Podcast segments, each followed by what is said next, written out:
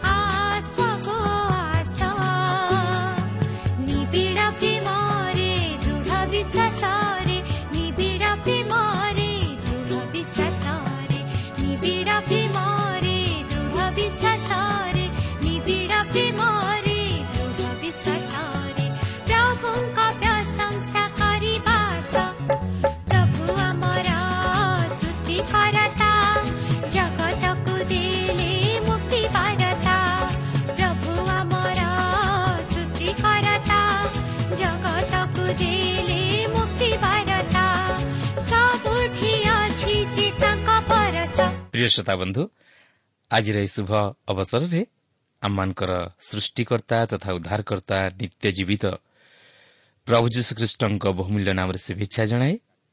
ଆଜିର ଏହି ପଥ ପ୍ରଦର୍ଶିକା କାର୍ଯ୍ୟକ୍ରମର ଅଂଶ ହେବା ନିମନ୍ତେ ଆପଣଙ୍କ ସ୍ୱାଗତ ଜଣାଏ। ଆପଣ ଆପଣଙ୍କର ବହୁମୂଲ୍ୟ ସମୟ ଦେଇଥିବାରୁ ଆମେ ବିଶେଷ ଖୁସି। କେବଳ ସେତିକି ନୁହେଁ ଏହି କାର୍ଯ୍ୟକ୍ରମ ଶୁଣିବା ଦ୍ୱାରା ଆପଣ ଯେ ଆତ୍ମିକ ଜୀବନରେ ଉପକୃତ ହୋଇପାରିଛନ୍ତି ଆପଣଙ୍କ ଜୀବନରେ ସେହି ଆଲୋକ ପାଇପାରିଛନ୍ତି। ଆଉ ପ୍ରଭୁ ଯୀଶୁ ଯେ ଆପଣଙ୍କ ହୃଦୟରେ କଥା କହି ଆପଣଙ୍କର ସମସ୍ୟା ସମାଧାନ କରିଅଛନ୍ତି ତାହା ଜାଣି ମଧ୍ୟ ଆମେ ପ୍ରଭୁଙ୍କ ନାମକୁ ବିଶେଷ ଧନ୍ୟବାଦ ଦେଉ। ପ୍ରଭୁ ଆପଣଙ୍କୁ ଆଶୀର୍ବାଦ କରନ୍ତୁ ଆହୁରି ଆହୁରି ଆତ୍ମିକ ଜୀବନରେ ବର୍ଦ୍ଧିଷ୍ଣୁ କରାନ୍ତୁ। ଆପଣ ନିଜେ ଏହି କାର୍ଯ୍ୟକ୍ରମ ଶୁଣିବା ସଙ୍ଗେ ସଙ୍ଗେ ଅନ୍ୟମାନଙ୍କୁ ମଧ୍ୟ ଏହି କାର୍ଯ୍ୟକ୍ରମ ଶୁଣାଇବାରେ ସାହାଯ୍ୟ କରନ୍ତୁ ଆଉ ସେମାନଙ୍କୁ ମଧ୍ୟ ଆମ ସହ ପତ୍ର ମାଧ୍ୟମରେ ଯୋଗାଯୋଗ କରିବା ନିମନ୍ତେ ଉତ୍ସାହିତ କରନ୍ତୁ। ଆସନ୍ତୁ ତାହେଲେ ପ୍ରଭୁଙ୍କର ବାକ୍ୟ ମଧ୍ୟକୁ ଯିବା ପୂର୍ବରୁ ସଂକ୍ଷେପରେ ପ୍ରାର୍ଥନା କରିବା।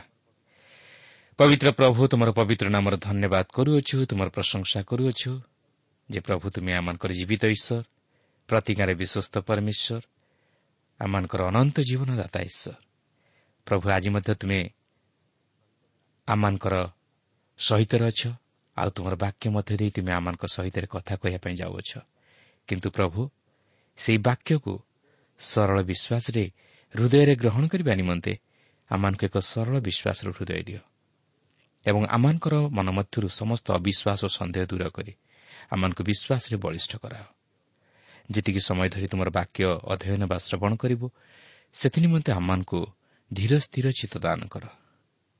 ଆଜିର ଏହି କାର୍ଯ୍ୟକ୍ରମ ମଧ୍ୟ ଦେଇ ତୁମେ ଆମ ପ୍ରତ୍ୟେକଙ୍କୁ ଆଶୀର୍ବାଦ କର। ଏହି ସମସ୍ତ ପ୍ରାର୍ଥନା ଆମମାନଙ୍କୁ ଉଦ୍ଧାରକର୍ତ୍ତା ଜୀବିତ ପୁନରୁଦ୍ଧିତ ପ୍ରିୟ ପ୍ରଭୁ ଯୀଶୁଙ୍କ ନାମରେ ଏହି ଅଳ୍ପ ଭିକ୍ଷା ମାଗୁଅଛୁ। ଆମେନ୍।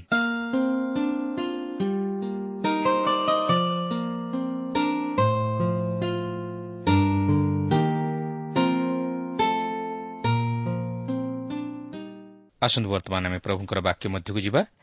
ଆଜି ଆମେ ବିଚାରକର୍ତ୍ତା ପୁସ୍ତକ ତହିଁର ତିନି ପର୍ବଟିକୁ ଅଧ୍ୟୟନ କରିବା ନିମନ୍ତେ ଯିବା।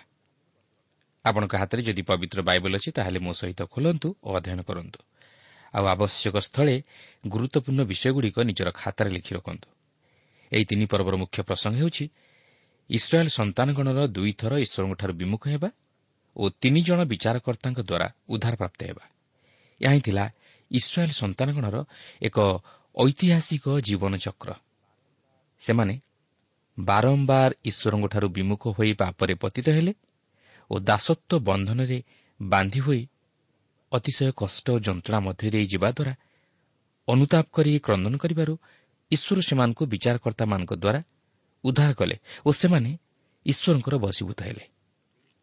ଏହା କେବଳ ସେହି ସମୟରେ ନୁହେଁ ମାତ୍ର ସେହି ସମୟରୁ ଆଜି ପର୍ଯ୍ୟନ୍ତ ମଧ୍ୟ ଲାଗି ରହିଅଛି ଓ ପବିତ୍ର ବାଇବଲ ମଧ୍ୟରେ ମଧ୍ୟ ଆମେ ତାହା ହିଁ ଲକ୍ଷ୍ୟ କରୁ। ଆଉ ଏହା ହିଁ ହେଉଛି ମନୁଷ୍ୟର ଦୁର୍ବଳତା। ତେବେ ଏହି ତିନି ପର୍ବରେ ଆମେ ଦେଖିବା ଯେ ଇସ୍ରାଏଲ୍ ସନ୍ତାନଗଣ ଦୁଇଥର ଈଶ୍ୱରଙ୍କଠାରୁ ବିମୁଖ ହୋଇ ପାପରେ ପତିତ ହେଲେ ଓ ଈଶ୍ୱର ତିନି ଜଣ ବିଚାରକର୍ତ୍ତାଙ୍କୁ ପଠାଇ ସେମାନଙ୍କୁ ସେହି ଦାସତ୍ୱ ବନ୍ଧନରୁ ମୁକ୍ତ କଲେ। ସେହି ତିନି ଜଣ ବିଚାରକର୍ତ୍ତା ଥିଲେ ଅତ୍ନିଏଲ୍ ଏଭୁଦ ଓ ସମଗର। ଇସ୍ରାଏଲ୍ ସନ୍ତାନଗଣ କିଣାନୀୟ ହିତୀୟ ଇମୋରିୟ ପିରିଜିୟ ହିଦିୟ ଓ ଜିବୁସିୟମାନଙ୍କର କନ୍ୟାଗଣକୁ ବିବାହ କଲେ।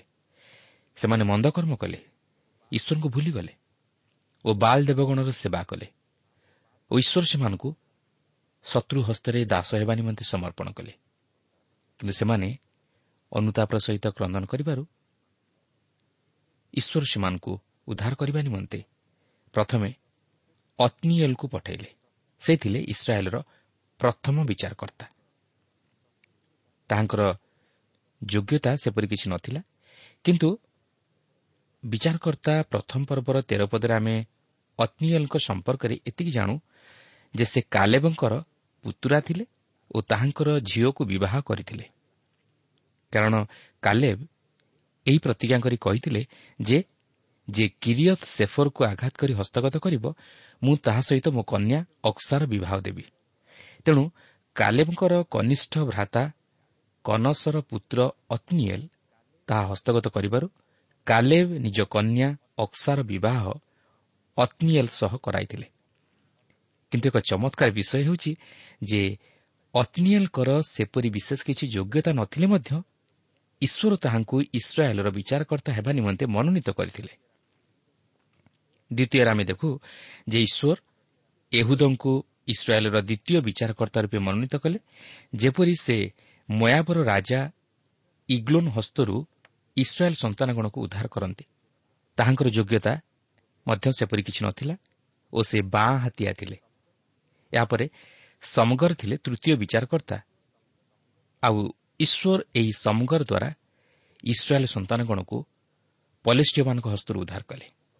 ଏହି ସମଗର ଗୋକଣ୍ଟକ ପାଞ୍ଚଣ ବ୍ୟବହାର କରିବାରେ ଅତି ଧୁରନ୍ଧର ଥିଲେ ଓ ସେ ଏହି ଗୋକଣ୍ଟକ ପାଞ୍ଚଣ ଦ୍ୱାରା ପଲିଷ୍ଟିମାନଙ୍କର ଛଅଶହ ଲୋକଙ୍କୁ ବଧ କରି ଇସ୍ରାଏଲ୍କୁ ଉଦ୍ଧାର କଲେ। କିନ୍ତୁ ଆମେ ଏଠାରେ ଏକ ଚମତ୍କାର ଶିକ୍ଷା ପାଉ ଯେ ସମସ୍ତ ବିଚାରକର୍ତ୍ତାଙ୍କର କିଛି ନା କିଛି ଦୁର୍ବଳତା ଥିଲା। ଏପରିକି ସେମାନଙ୍କ ମଧ୍ୟରୁ କେତେକ ଶାରୀରିକ ଭାବେ ଅକ୍ଷମ ଥିଲେ। ମାତ୍ର ଈଶ୍ୱର ସେମାନଙ୍କୁ ଅତି ଶକ୍ତିଯୁକ୍ତ କରି ବ୍ୟବହାର କଲେ।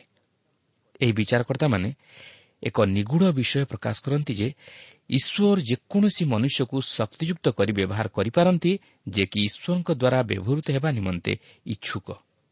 ଏହି ତିନି ପର୍ବରେ ପ୍ରଥମେ ଆମେ ଦେଖିବାକୁ ଯିବା ଯେ ଇସ୍ରାଏଲ୍ ସନ୍ତାନଗଣ ପ୍ରତିମା ପୂଜା କରିବା ଦ୍ୱାରା ଶତ୍ରୁ ହସ୍ତରେ ସମର୍ପିତ ହୋଇ ଦାସତ୍ୱ ବନ୍ଧନରେ ଆବଦ୍ଧ ହେଲେ। ତିନି ପର୍ବର ପ୍ରଥମ ତିନି ପଦରେ ଏହିପରି ଲେଖା ଅଛି ଇସ୍ରାଏଲ୍ ମଧ୍ୟରେ ଯେଉଁମାନେ କିଣାନ ଦେଶୀୟ ଯୁଦ୍ଧ ସକଳ ଜାଣିନଥିଲେ ସେହି ଲୋକମାନଙ୍କୁ ପରୀକ୍ଷା କରିବା ନିମନ୍ତେ ଓ ଇସ୍ରାଏଲ୍ ସନ୍ତାନଗଣର ପୁରୁଷ ପରମ୍ପରାକୁ ଶିକ୍ଷା ଦେବା ନିମନ୍ତେ ଅର୍ଥାତ୍ ଯେଉଁମାନେ ଆଗେ ଯୁଦ୍ଧ ଜାଣିନଥିଲେ ସେମାନଙ୍କୁ ତାହା ଶିଖାଇବା ପାଇଁ ସଦାପ୍ରଭୁ ଏହି ଗୋଷ୍ଠୀୟ ଲୋକମାନଙ୍କୁ ଅବଶିଷ୍ଟ ରଖିଲେ ଯଥା ପଲେଷ୍ଟିୟମାନଙ୍କ ପାଞ୍ଚ ଅଧିପତି ପୁଣି ବାଲ୍ ହର୍ମୋନ୍ ପର୍ବତଠାରୁ ହମାତର ପ୍ରବେଶିବା ପଥ ପର୍ଯ୍ୟନ୍ତ ଲିବାନୋନ୍ ପର୍ବତ ନିବାସୀ ସମସ୍ତ କିଣାନୀୟ ଓ ସିଦୋନୀୟ ଓ ହିଦିୟ ଲୋକ। ଏଠାରେ ଆମେ ଦେଖୁଛୁ ଯେ ଇସ୍ରାଏଲ୍ ସନ୍ତାନଗଣଙ୍କର ଐତିହାସିକ ଜୀବନଚକ୍ର ଉତ୍ଥାନ ଓ ପତନର ମଧ୍ୟ ଦେଇ ଗତି କରିବା ପଛରେ ଈଶ୍ୱରଙ୍କର ଏକ ମହାନ ଯୋଜନା ଥିଲା। ତାହା ହେଉଛି ଯେ ସେମାନେ ତାହାଙ୍କର ଆଜ୍ଞା ସମସ୍ତ ପାଳନ କରୁଅଛନ୍ତି କି ନାହିଁ ତାହା ଜାଣିବା ନିମନ୍ତେ।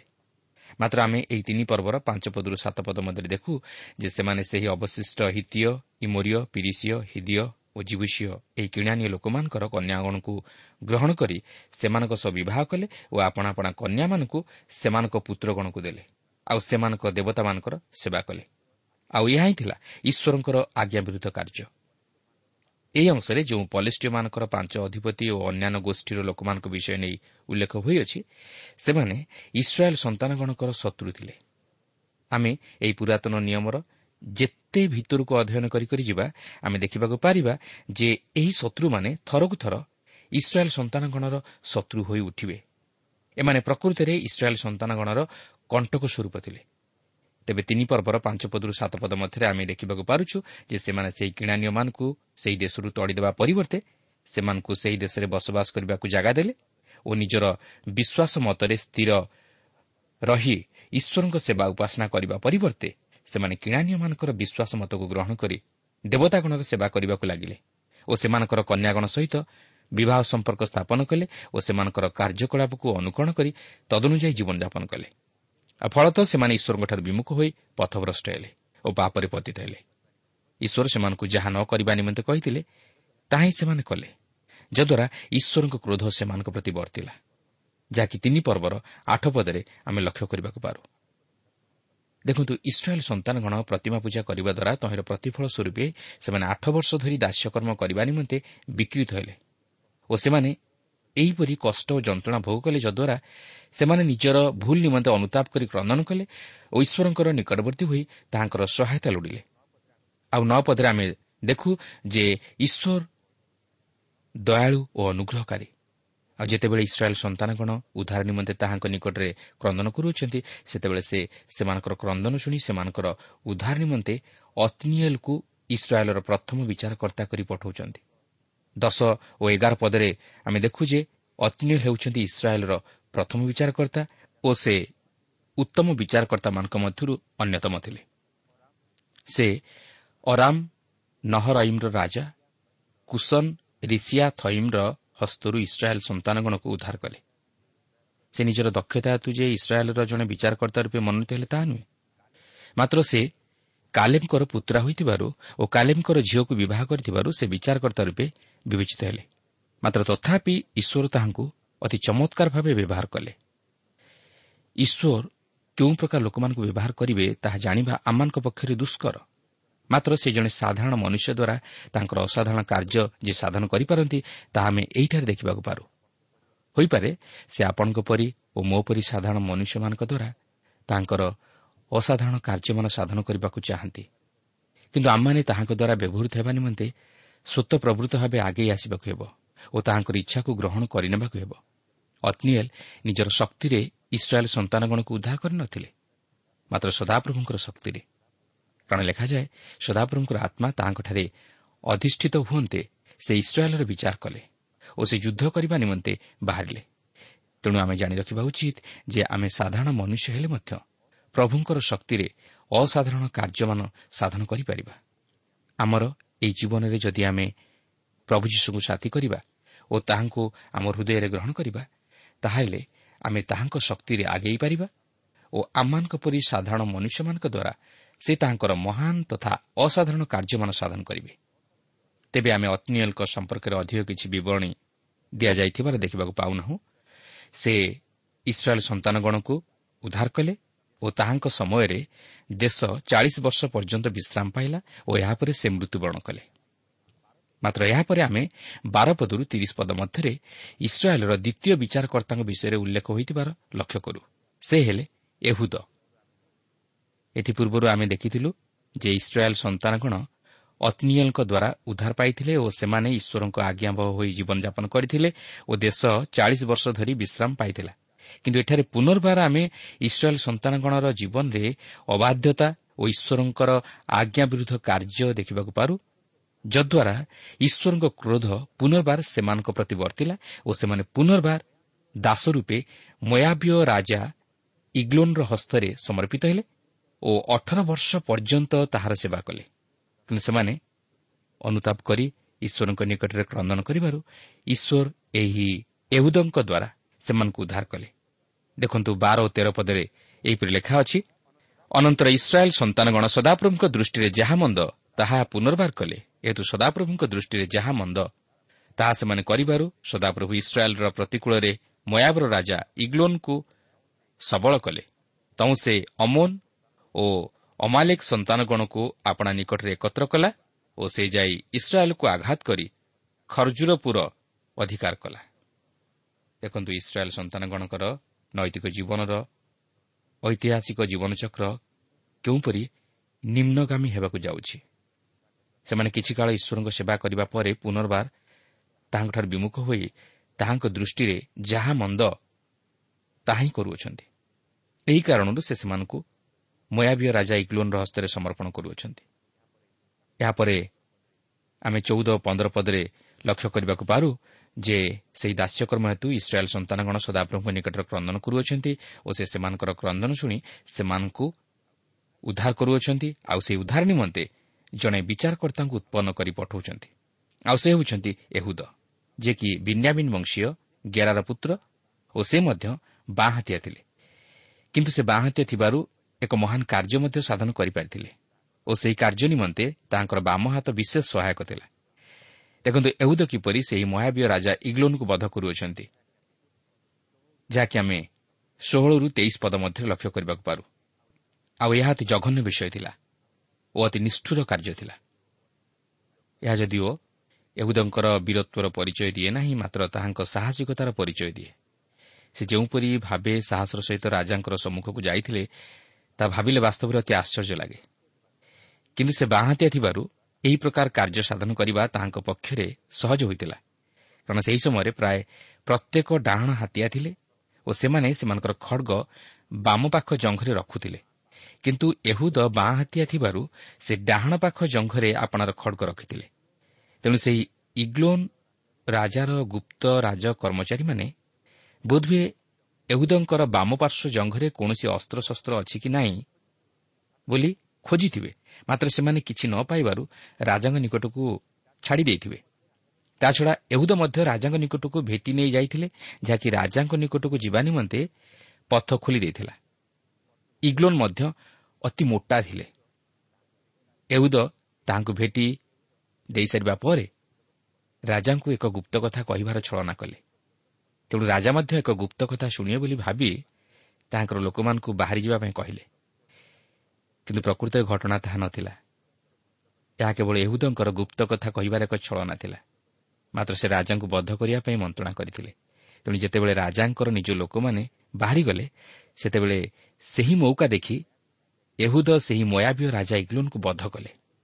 ସେ ସେହି ଦ୍ୟୁଧାର ଖଡ଼ଗରେ ତାହାର ପେଟକୁ ଭୁଷି ପକାଇଲେ। ତହଲେ ସେ ମଲା। ଓ ଏହୁଦ ସେହି ଗୃହର କବାଟ ରୁଦ୍ଧ କରି ବାହାରି ଚାଲିଗଲେ। ଏହି କାର୍ଯ୍ୟ ଏହୁଦଙ୍କର ଭୀରୁତାର ପରିଚୟ ଦିଏ ନାହିଁ ମାତ୍ର ତାହାଙ୍କର ସାହସିକତାର ପରିଚୟ ଦିଏ ଏହାପରେ ଚବିଶ ଓ ପଚିଶ ପଦରେ ଲେଖା ଅଛି ସେ ବାହାରିଗଲା ଉତ୍ତାରେ ରାଜାର ଦାସମାନେ ଆସିଲେ ଓ ସେମାନେ ଦେଖିଲେ ଯେ ଦେଖ ସେହି ଉପର ମହଲାର କବାଟ ଅର୍ଗଳବଦ୍ଧ ହୋଇଅଛି ଏଥିରେ ସେମାନେ କହିଲେ ସେ ଅବଶ୍ୟ ଆପଣା ଗ୍ରୀଷ୍ମକାଳୀନ ଭିତର କୋଠରୀରେ ଆପଣା ପାଦ ଢାଙ୍କୁଅଛନ୍ତି। ତେଣୁ ସେମାନେ ଲଜ୍ଜିତ ହେବା ପର୍ଯ୍ୟନ୍ତ ଅପେକ୍ଷା କଲେ ମାତ୍ର ଦେଖ ସେ ଉପର ମହଲାର କବାଟ ଫିଟାଇଲା ନାହିଁ। ଏହେତୁ ସେମାନେ କଞ୍ଚିକାଠି ନେଇ କବାଟ ଫିଟାଇଲେ। ତାହେଲେ ଦେଖ ସେମାନଙ୍କର ପ୍ରଭୁ ମରି ଭୂମିରେ ପଡ଼ିଅଛି। ତେବେ ଏହି ଅଂଶଟିକୁ ମୁଁ ଆଉ ବିଶେଷ ବ୍ୟାଖ୍ୟା କରିବା ପାଇଁ ଯାଉନାହିଁ। ମାତ୍ର ଏହାପରେ ଏହୁଦଙ୍କ ପ୍ରତି ଟିକେ ଦୃଷ୍ଟି ଦେବା। ସେ ସେହି ରାଜାଙ୍କୁ ବଧ କରିବା ପରେ କ'ଣ କରିବା ପାଇଁ ଯାଉଅଛନ୍ତି ଯାହାକି ଛବିଶରୁ ତିରିଶ ପଦ ମଧ୍ୟରେ ଲେଖା ଅଛି। ଏଠାରେ ଲେଖା ଅଛି ଯେ ରାଜାଙ୍କର ଦାସମାନେ ରାଜାଙ୍କର ଉଠିବା ସମୟ ପର୍ଯ୍ୟନ୍ତ ଅପେକ୍ଷା କରି ରହିଥିବା ସମୟରେ ଏହୁଦ ଖସି ପଳାଇଯିବାର ସୁଯୋଗ ପାଇଲେ ଆଉ ସେ ସେହି ମୟାବ ଦେଶ ପରିତ୍ୟାଗ କରି ସିଇରାକୁ ଚାଲିଗଲେ ଯେଉଁଠାରେ କି ସେମାନେ ତାହାଙ୍କୁ ଖୋଜି ପାଇଲେ ନାହିଁ କିନ୍ତୁ ଏହୁଦ ସେଠାରେ ତୁନି ହୋଇ ରହିଗଲେ ନାହିଁ। ସେ ସେଠାରେ ତୁରି ବଜାଇ ଇସ୍ରାଏଲ୍ ସନ୍ତାନଗଣକୁ ଏକତ୍ର କଲେ ଓ ସେହି ମୟାବୀୟମାନଙ୍କର ଉଣାଧିକ ଦଶ ହଜାର ଲୋକଙ୍କୁ ବଧ କଲେ ଓ ମୟାବକୁ ହସ୍ତଗତ କଲେ ଓ ତାହାଙ୍କ ସମୟରେ ଦେଶ ଅଶୀ ବର୍ଷ ପର୍ଯ୍ୟନ୍ତ ବିଶ୍ରାମ ପାଇଲା। କିନ୍ତୁ ଏହୁଦ ଯଦିଓ ଅତି କ୍ଷମତାପନ୍ନ ନଥିଲେ ବା ତାହାଙ୍କର ସେତେଦୂର ଦକ୍ଷତା ନଥିଲା ମାତ୍ର ଈଶ୍ୱର ତାହାଙ୍କୁ ବ୍ୟବହାର କଲେ। ଯଦିଓ ସେ ବାଁହାତିଆ ଥିଲେ ମାତ୍ର ତାହା ମଧ୍ୟ ଈଶ୍ୱରଙ୍କ ଯୋଜନା ସାଧନ କରିବାରେ ବିଶେଷ ସହାୟକ ଥିଲା। ଏହୁଦଙ୍କର ଏହିପରି କାର୍ଯ୍ୟ ଦ୍ୱାରା ହଜାର ହଜାର ଲୋକଙ୍କର ଜୀବନ ରକ୍ଷା ପାଇଲା। ପ୍ରିୟ ବନ୍ଧୁ ଈଶ୍ୱର ଆମମାନଙ୍କର ଦକ୍ଷତା ବା ଯୋଗ୍ୟତାକୁ ଦେଖନ୍ତି ନାହିଁ। ମାତ୍ର ଆମ୍ଭେମାନେ ବ୍ୟବହାର ଯୋଗ୍ୟ ହୋଇପାରୁଛୁ କି ନାହିଁ ତାହା ସେ ଦେଖନ୍ତି। ଯଦି ଆମମାନଙ୍କର ସବୁକିଛି ଯୋଗ୍ୟତା ଥାଇ ଆମେ ଈଶ୍ୱରଙ୍କର ମହତ ଅଭିମତକୁ ସଫଳ କରିବା ନିମନ୍ତେ ଈଶ୍ୱରଙ୍କ ନିକଟରେ ନିଜକୁ ସମର୍ପଣ ନ କରୁ ତାହେଲେ ସେହି ସମସ୍ତ ଯୋଗ୍ୟତା ବା ଦକ୍ଷତା ମୂଲ୍ୟହୀନ। ତାହା କୌଣସି ଫଳପ୍ରଦ ହୁଏ ନାହିଁ। ତେଣୁ ଆପଣ ଯଦି ପ୍ରଭୁଙ୍କ ନିମନ୍ତେ କିଛି ସାଧନ କରିବା ପାଇଁ ଚାହାନ୍ତି ବା ପ୍ରଭୁଙ୍କର ସେବା କାର୍ଯ୍ୟ କରିବା ପାଇଁ ଚାହାନ୍ତି ତାହେଲେ ନିଜର ଜ୍ଞାନ ଶକ୍ତି ବା ଚତୁରତା ବା ଦକ୍ଷତା ଉପରେ ନିର୍ଭର କରନ୍ତୁ ନାହିଁ। କି ଏହି ସମସ୍ତ ନଥିଲେ ମଧ୍ୟ ତହିଁ ନିମନ୍ତେ ହତାଶ ବା ନିରାଶ ହୁଅନ୍ତୁ ନାହିଁ। କି ନିଜକୁ ଦୁର୍ବଳ ମନେ କରନ୍ତୁ ନାହିଁ। ମାତ୍ର ପ୍ରଭୁଙ୍କ ଉପରେ ନିର୍ଭର କରନ୍ତୁ ଓ ତାହାଙ୍କଠାରୁ ଶକ୍ତି ଭିକ୍ଷା କରନ୍ତୁ ଓ ତାହାଙ୍କର ସହାୟତା ଲୋଡ଼ନ୍ତୁ। ତାହେଲେ ସେ ଆପଣଙ୍କ ପରି ଜଣେ ସାଧାରଣ ମନୁଷ୍ୟ ଦ୍ୱାରା ତାଙ୍କର ଅସାଧାରଣ କାର୍ଯ୍ୟ ସାଧନ କରିବେ ଓ ତାଙ୍କର ଅଭିମତ ଆପଣଙ୍କ ଜୀବନ ଦ୍ୱାରା ସାଧିତ ହୋଇପାରିବ। ବର୍ତ୍ତମାନ ଆମେ ଇସ୍ରାଏଲ୍ର ତୃତୀୟ ବିଚାରକର୍ତ୍ତାଙ୍କ ପ୍ରତି ଟିକେ ଦୃଷ୍ଟି ଦେବା ଆଉ ସେ ହେଉଛନ୍ତି ସମଗର। ତିନି ପର୍ବର ଏକତିରିଶ ପଦରେ ତାହାଙ୍କ ବିଷୟରେ ଲେଖା ଅଛି ଆଉ ତାହାର ଉତ୍ତାରେ ଅନାଥର ପୁତ୍ର ସମଗର ବିଚାରକର୍ତ୍ତା ହେଲେ। ସେ ପଲେଷ୍ଟିୟ ଛଅଶହ ଲୋକଙ୍କୁ ଗୋକଣ୍ଟକ ପାଞ୍ଚଣ ଦ୍ୱାରା ବଧ କଲେ।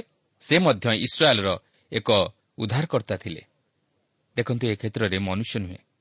ମାତ୍ର ସେହି ମନୁଷ୍ୟ ଯେଉଁ ଉପାୟରେ ପଲେଷ୍ଟିୟମାନଙ୍କର ଛଅଶହ ଲୋକଙ୍କୁ ବଧ କଲା ତାହା ହେଉଛି ଏକ ଚମତ୍କାର ବିଷୟ। କାରଣ ସେହି ସମୟରେ ଇସ୍ରାଏଲ୍ ସନ୍ତାନଗଣ କୌଣସି ଲୌହ ଅସ୍ତ୍ରଶସ୍ତ୍ର ବ୍ୟବହାର କରୁନଥିଲେ। ଯେହେତୁ ସେହିସବୁ ସେମାନଙ୍କ ନିକଟରେ ନଥିଲା। କିନ୍ତୁ ସେହି ସମଗର ହସ୍ତରେ ଯାହା ଥିଲା ସେ ତାହା ବ୍ୟବହାର କଲା। ଓ ତଦ୍ୱାରା ମଧ୍ୟ ସେ ପଲେଷ୍ଟିୟମାନଙ୍କର ଛଅଶହ ଲୋକଙ୍କୁ ବଧ କଲା।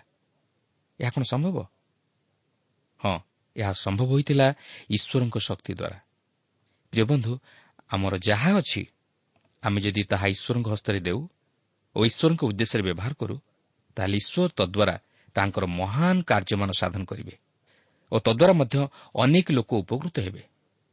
ଯଦି ଆମେ ଏହାକୁ ଠିକ୍ ଭାବେ ବ୍ୟବହାର କରୁ ଦେଖନ୍ତୁ ଈଶ୍ୱର ମୋଷାଙ୍କର ସେହି ଜଷ୍ଟି ଦ୍ୱାରା ଅଦ୍ଭୁତ କାର୍ଯ୍ୟ ସାଧନ କଲେ।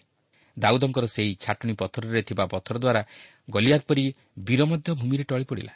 ଦରକାରଙ୍କର ସେହି ଛୁଞ୍ଚି ଓ ସୂତା ଦ୍ୱାରା ଅନେକ ବହୁମୂଲ୍ୟ ବସ୍ତ୍ର ଅନେକଙ୍କର ଉପକାରରେ ଲାଗିପାରିଲା। ସେଦିନ ସେହି ବାଳକର ପାଞ୍ଚଟି ରୋଟି ଓ ଦୁଇଟି ମାଛରେ ପାଞ୍ଚ ହଜାର ପୁରୁଷ ଖାଇ ପରିତୃପ୍ତ ହେଲେ। ପ୍ରିୟ ବନ୍ଧୁ ଆପଣଙ୍କ ହସ୍ତରେ ଯାହା କିଛି ଅଛି ଆପଣ ଯଦି ତାହା ପ୍ରଭୁଙ୍କ ହସ୍ତରେ ଦେବେ ତାହେଲେ ସେ ତାହାକୁ ନେଇ ବ୍ୟବହାର କରିବେ ଓ ଅନେକ ଲୋକ ତଦ୍ୱାରା ଉପକୃତ ହୋଇପାରିବେ। ପ୍ରଭୁ ପ୍ରତ୍ୟେକଙ୍କୁ ଏହି ସଂକ୍ଷିପ୍ତ ଆଲୋଚନା ମଧ୍ୟ ଦେଇ ଆଶୀର୍ବାଦ କରନ୍ତୁ।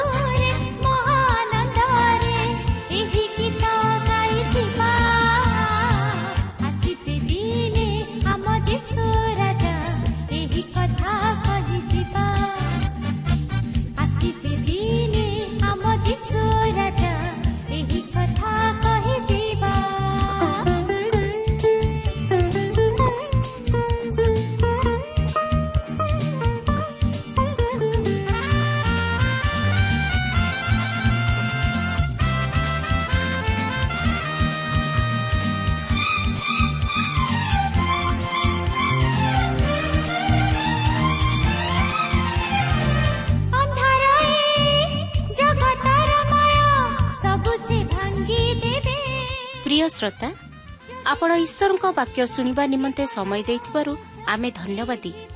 ଆପଣ ଯଦି ପ୍ରଭୁ ଯୀଶୁଙ୍କର ବାକ୍ୟ ବିଷୟରେ ଓ ତାହାଙ୍କର ପ୍ରେମ ବିଷୟରେ ଅଧିକ ଜାଣିବାକୁ ଚାହାନ୍ତି ଯାହାକି ଆପଣଙ୍କୁ ପାପରୁ ଉଦ୍ଧାର ପାଇବା ନିମନ୍ତେ ପଥ ଦେଖାଇବ ତାହେଲେ ଆମ ସହିତ ପତ୍ର ମାଧ୍ୟମରେ ଅଥବା ଟେଲିଫୋନ୍ ଯୋଗେ ଯୋଗାଯୋଗ କରନ୍ତୁ।